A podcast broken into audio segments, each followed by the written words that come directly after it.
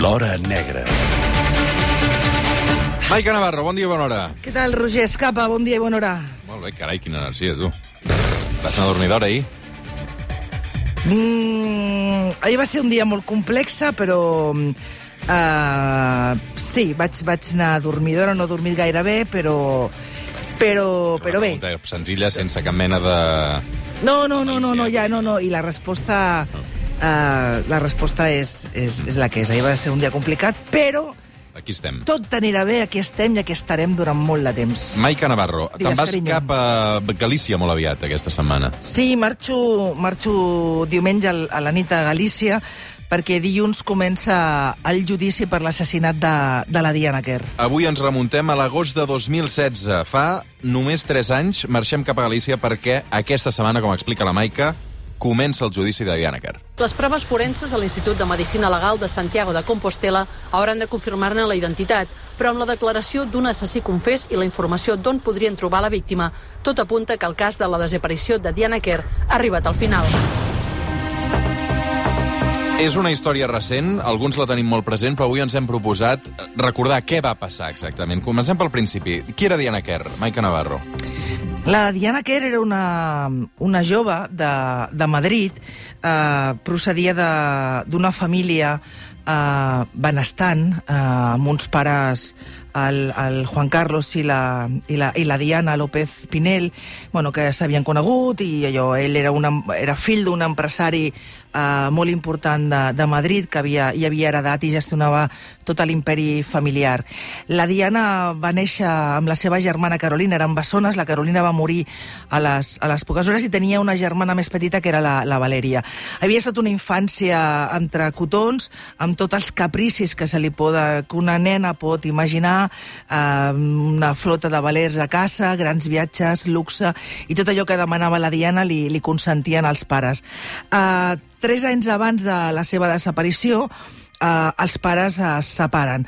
Es separen amb una, amb una separació absolutament dramàtica, convulsa, on juguen, fan, interpreten tots dos una guerra bruta en el que ni el pare ni la mare tenen, tenen molt en compte a la, a, ni a la Diana ni, ni a la Valèria, que estan de sobte, estan s'aprofiten d'aquesta guerra paterna-materna i intenten les totes dues sobreviure com poden a et dic, amb una guerra sense quartel de, dels pares. La família havia comprat, feia 10, 10 anys enrere, un dúplex meravellós amb un poble petit de, de la província de Bragança, allà a Galícia, que es diu a Pobra de Caraminyal. Havien arribat de casualitat i els havia fascinat. Els pares volien que, que coneixessin allò, una altra vida més senzilla fora de la- de l'asfalt madrileny, i allà és on Diana passava els estius. Els primers estius doncs, era tot platja, llocs i una cosa molt divertida i familiar, especialment doncs, la platja i els viatges en veler per la costa galega, i després amb l'edat doncs, la Diana ja trobava molt a faltar la seva quadrilla de Madrid, ja tenia 18 anys i allò de Galícia la- l'avorria, entre cometes.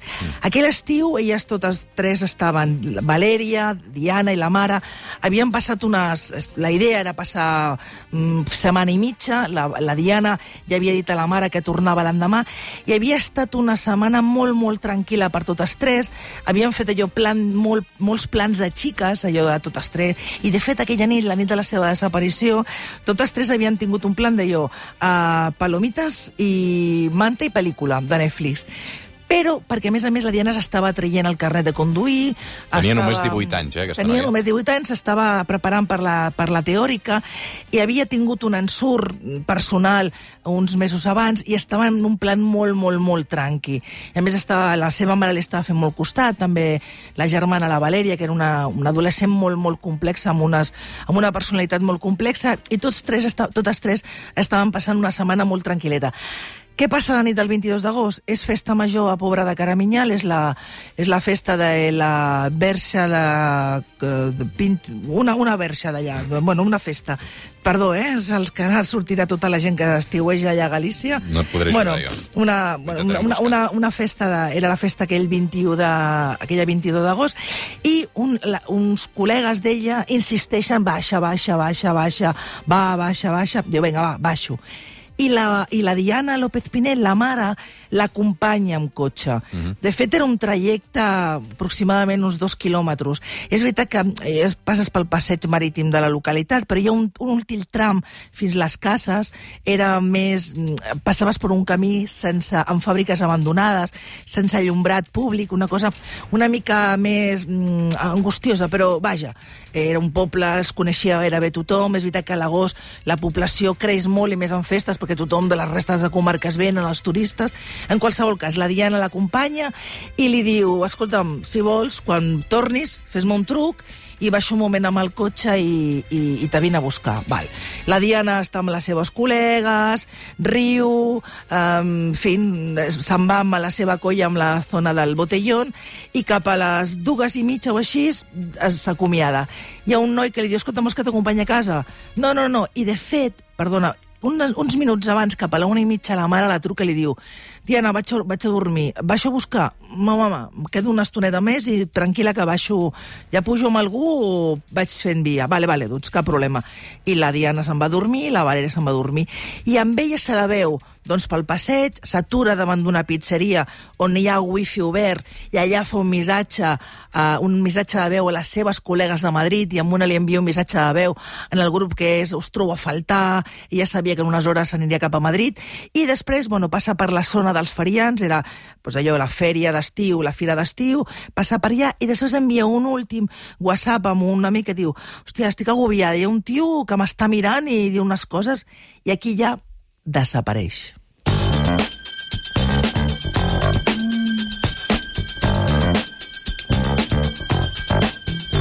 Per tant, la Diana Kerr, eh, cap a quarts de dues de la matinada, desapareix, no deixa cap rastre. Re. En algun moment es pensa que pot ser una desaparició voluntària, això?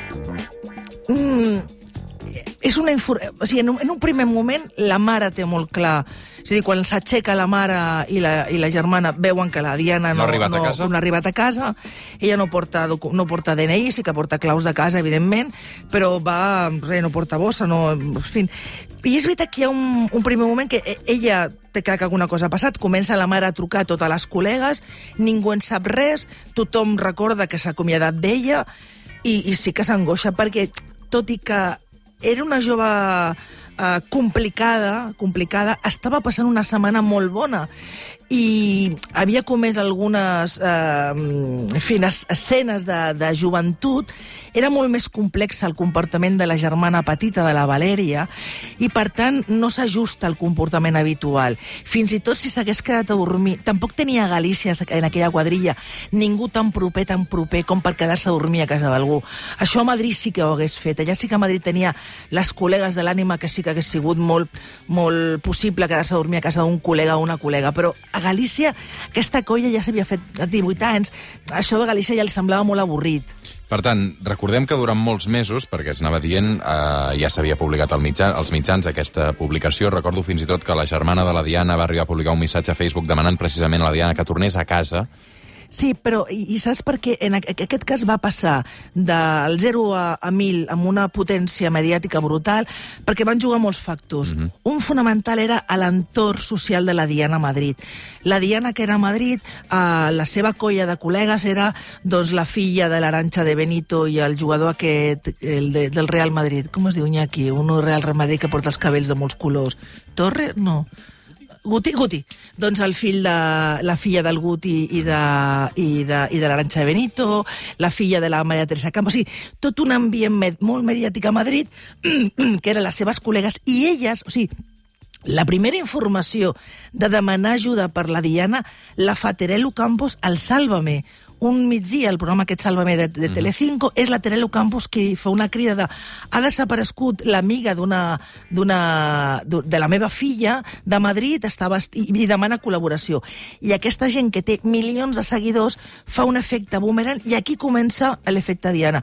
Hi ha una petita, el pare que està, vivint, està a Gandia en aquell moment condueix aquella nit als 1.000 quilòmetres, es presenta pobre de Caraminal i tot i la tensió brutal que viuen tots dos, fan una primera roda de premsa amb el cartell de la Diana que només va la voz de Galícia, eh, Antena 3 i Telecinco per aquesta connotació d'aquest entorn familiar, perquè ho demanen gent de, del programa que els ajudin a difondre, i aquesta és la primera, la primera crida.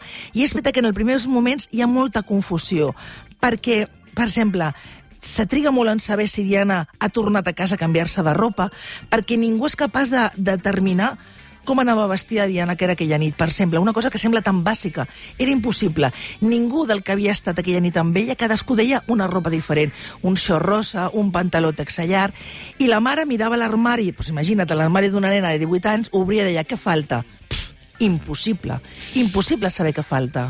Una de les pistes amb què treballava la Guàrdia Civil d'entrada era que la nit de la desaparició la Diana hauria pujat d'entrada en un cotxe, que no era, evidentment, ni d'aquest amic ni tampoc de la seva mare, que no l'havia anat a recollir, però aquests indicis es confirmen quan un mariscador va trobar el mòbil de la Diana sota el pont de l'autovia que uneix els dos pobles. Sí, um, perdona, eh, que pensava que No, entrava no, no. Un, un, un vídeo. Uh, un vídeo, un, un, una, un Tranquil·la. àudio. Um, és veritat que durant les primeres setmanes comença um, una, un- una, un, un- una tormenta d'informacions que jo crec que aquí, i jo faig, jo sabeu que soc molt, molt autocrítica amb, amb l'ofici, jo crec que aquí els periodistes, alguns periodistes de successos um, van demostrar la pitjor cara, de, la pitjor cara.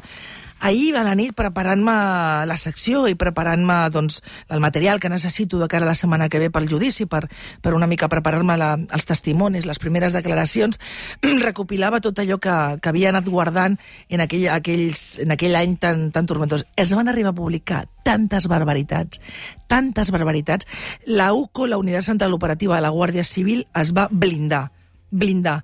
Van decidir deixar de confirmar i desmentir informacions que es publicaven. El cas de Diana Kerr interessava. O sigui, des de Marta del Castillo, des de la desaparició de Marta del Castillo, cap cas tenia tanta atenció mediàtica. Els CEOs dels mitjans de comunicació tot just acabaven d'aterrar a les redaccions i et demanaven Diana, Diana, Diana. La gent busca Diana. O sigui, la gent entrava a Google i buscava l'última història de Diana. I a Diana els periodistes la van col·locar allò, la van fer pujar cotxes, la van fer buscar a naus eh, abandonades. O sigui, va ser tot una bogeria. I enmig d'aquesta bogeria, els pares van tornar a encetar una guerra sense escrúpols que va desviar l'atenció de, de molts periodistes que de sobte la informació era les últimes barbaritats que, que es deien pare i mare i que els investigadors el que feia era distorsionar-ho tot, distorsi- distorsionar perquè el pare i la mare, que eren dos fonts d'informació bàsiques per la seva investigació, estaven més preocupats en destrossar l'un a l'altre que buscar la seva filla. I per molts la pregunta era, ostres, si amb una filla desaparescuda, amb una Valèria menor d'edat, amb un que s'agafa pin, per les pinces, per, o sigui, que està en un estat... La Valèria era la tan- germana Valèria, la petita. germana. Els pares s'estan um, matant d'aquesta manera tan bèstia davant l'opinió pública que no farien quan, quan, no, quan ningú els mirés. Per tant, en aquest context tan bèstia hi havia gent que va pensar ostres, és que és normal que la Diana hagi marxat. O sigui, qualsevol marxaria en aquest ambient. Això és insuportable. Però no, la Diana no va marxar. I la trobada del seu iPhone a la, a la ria, sota el, de, sota el pont de Tarragona, que la va trobar un mariscador, va ser la primera pista que trobaven els investigadors en un parell de mesos d'anar a cegues.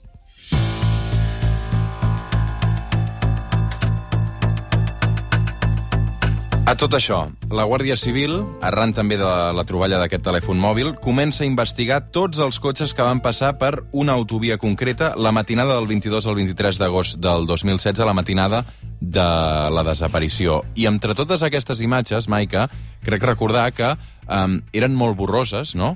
Um, Bueno, imagina't, hi ha, hi ha una única càmera de, una càmera de, que grava tot el trànsit, o sigui, càmera de tràfic, de trànsit, i el que agafa per la nit són cotxes que circulen per una autovia a gran velocitat, amb les llums enceses, i per tant, què és el que té la, què és el que es veu el vídeo? Mm, llums que... Xum, Imagini's ara una llum que entra, fum! O sigui, tu posa't amb, un, amb una càmera davant d'una autovia uh, gravant cotxes que et venen de cara. Doncs el que tenien eren uh, f, uh, boles de llum que circulaven a més velocitat o menys velocitat. Això és l'únic que tenien. En quin moment la policia comença a acotar els sospitosos fins que es queda amb un sol nom, que és el de José Enrique Abuin, alias El Chicle? Els primers moments de la investigació van ser una investigació clàssica, és a dir, anar a aquest escenari de Pobra de Carabinyal i començar a interrogar a tots els testimonis. És veritat que hi ha un primer moment de la investigació on els feriantes són els principals sospitosos perquè vivien a les seves caravanes pel, eh, en el, a la vora del camí per on havia circulat la Diana Kerr anant, anant cap a casa seva, però de seguida es comencen a descartar. Eh, es comencen a descartar perquè tots tots tenien unes coartades que eren compatibles compatibles. El següent que es fa, compatibles i eren, eren veraces. El següent que es fa és començar a interrogar a tota la gent, tota la gent amb antecedents, no ja no només sexuals, sinó qualsevol mena d'antecedents per tota la zona. Gent que pogués visitar. Era tot una feina molt, molt complicada i es comença a interrogar a gent. I, per exemple, una de les primeres persones que s'interroga és el Xicle. El Xicle perquè té antecedents, però el Xicle dona una coartada, una coartada que li valida la seva dona. I és que ell aquella nit està Pobra de Caraminyal, que va a Pobra de Caraminyal, però que va acompanyat de la seva dona, que això ho ratifica, i que va a robar eh, gasoil dels camions del Feriandes. Ja l'explica que en aquell moment té una situació econòmica molt complexa i el que ha fet és, de tant en tant, el que fan és anar a robar, a rebentar el depòsit de, dels camions, roba gasoil, després el ven. Maica Navarro, el gra. Què va passar ara mateix? Què va passar?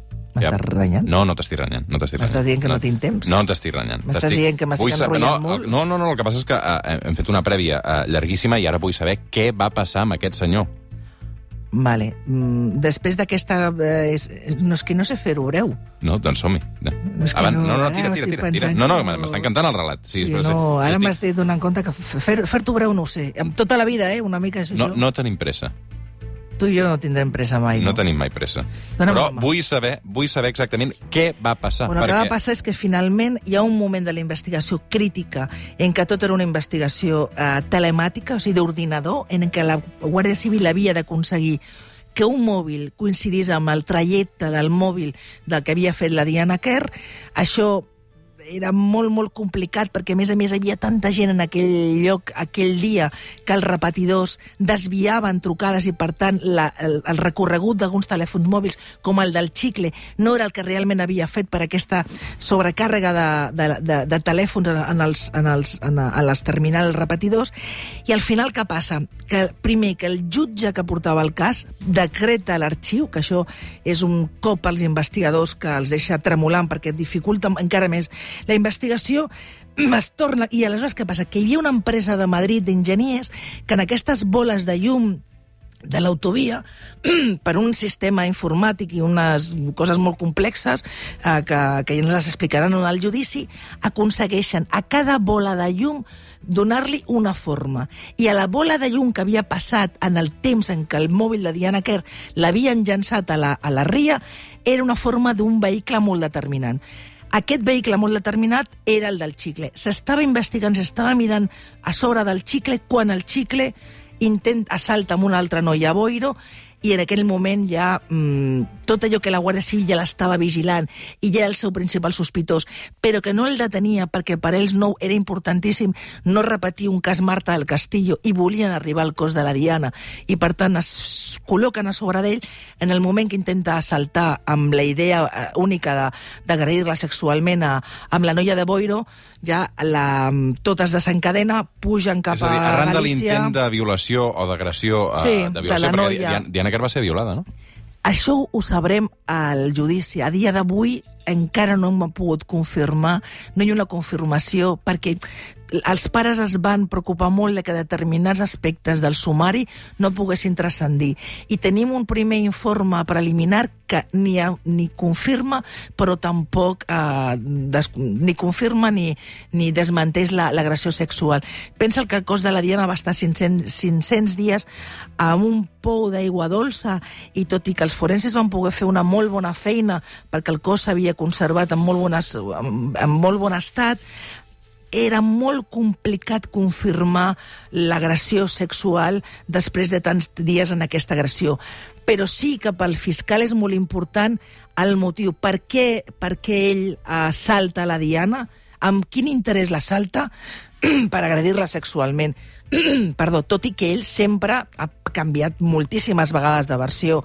Va dir que era un atropellament, que l'havia atropellat, que després um, no sabia què fer, que la va tirar a la, a la Tarragona, després finalment que la va tirar al Pou. En fi, ell ha fet moltes versions i ara l última versió que sustentarà en el judici és que la va confondre amb una gitana feriante i que es va balançar contra ella i que al caure li va donar un cop i la va matar. En fi, ja veurem què explica dimarts a José Enrique Abuín en aquest judici. Ell arriba a unes condicions que ja veurem com declara, porta dues setmanes a Teixeiro, ell està ingressat a, a León per una qüestió de seguretat.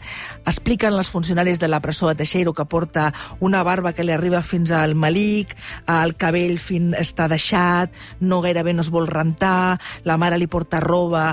És, és un indigent, ja veurem quina imatge ens dona i ja veurem què explica no el pare, sinó què explica la mare, perquè pot donar sorpreses en aquest judici que serà molt mediàtic, molt d'investigació, perquè aquesta primera part, primera setmana, declararan familiars, amics, però a la segona és quan la Guàrdia Civil explicarà la seva investigació i que haurà d'explicar per què tants dies darrere de la pista i per què la complexitat d'aquesta investigació, que al final, com veus el mapa de les escenaris, la Diana estava a 22 quilòmetres d'on havia desaparegut.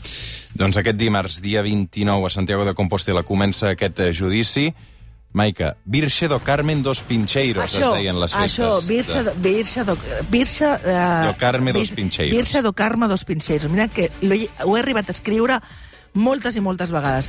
I deixen que avui saludi a l'Ester i a l'Iñaki, un públic d'excepció que ens acompanya en aquesta sec secció, que l'Iñaki, que és el meu germà petit, m'ha ajudat a interpretar qui era el Guti de futbol, mm. i que no són cap dels dos periodistes, però, escolta, me'ls estimo molt. Maica Navarro, irrepetible, com sempre. Uh, moltes, moltes gràcies i fins aviat. Saps que t'estimo molt?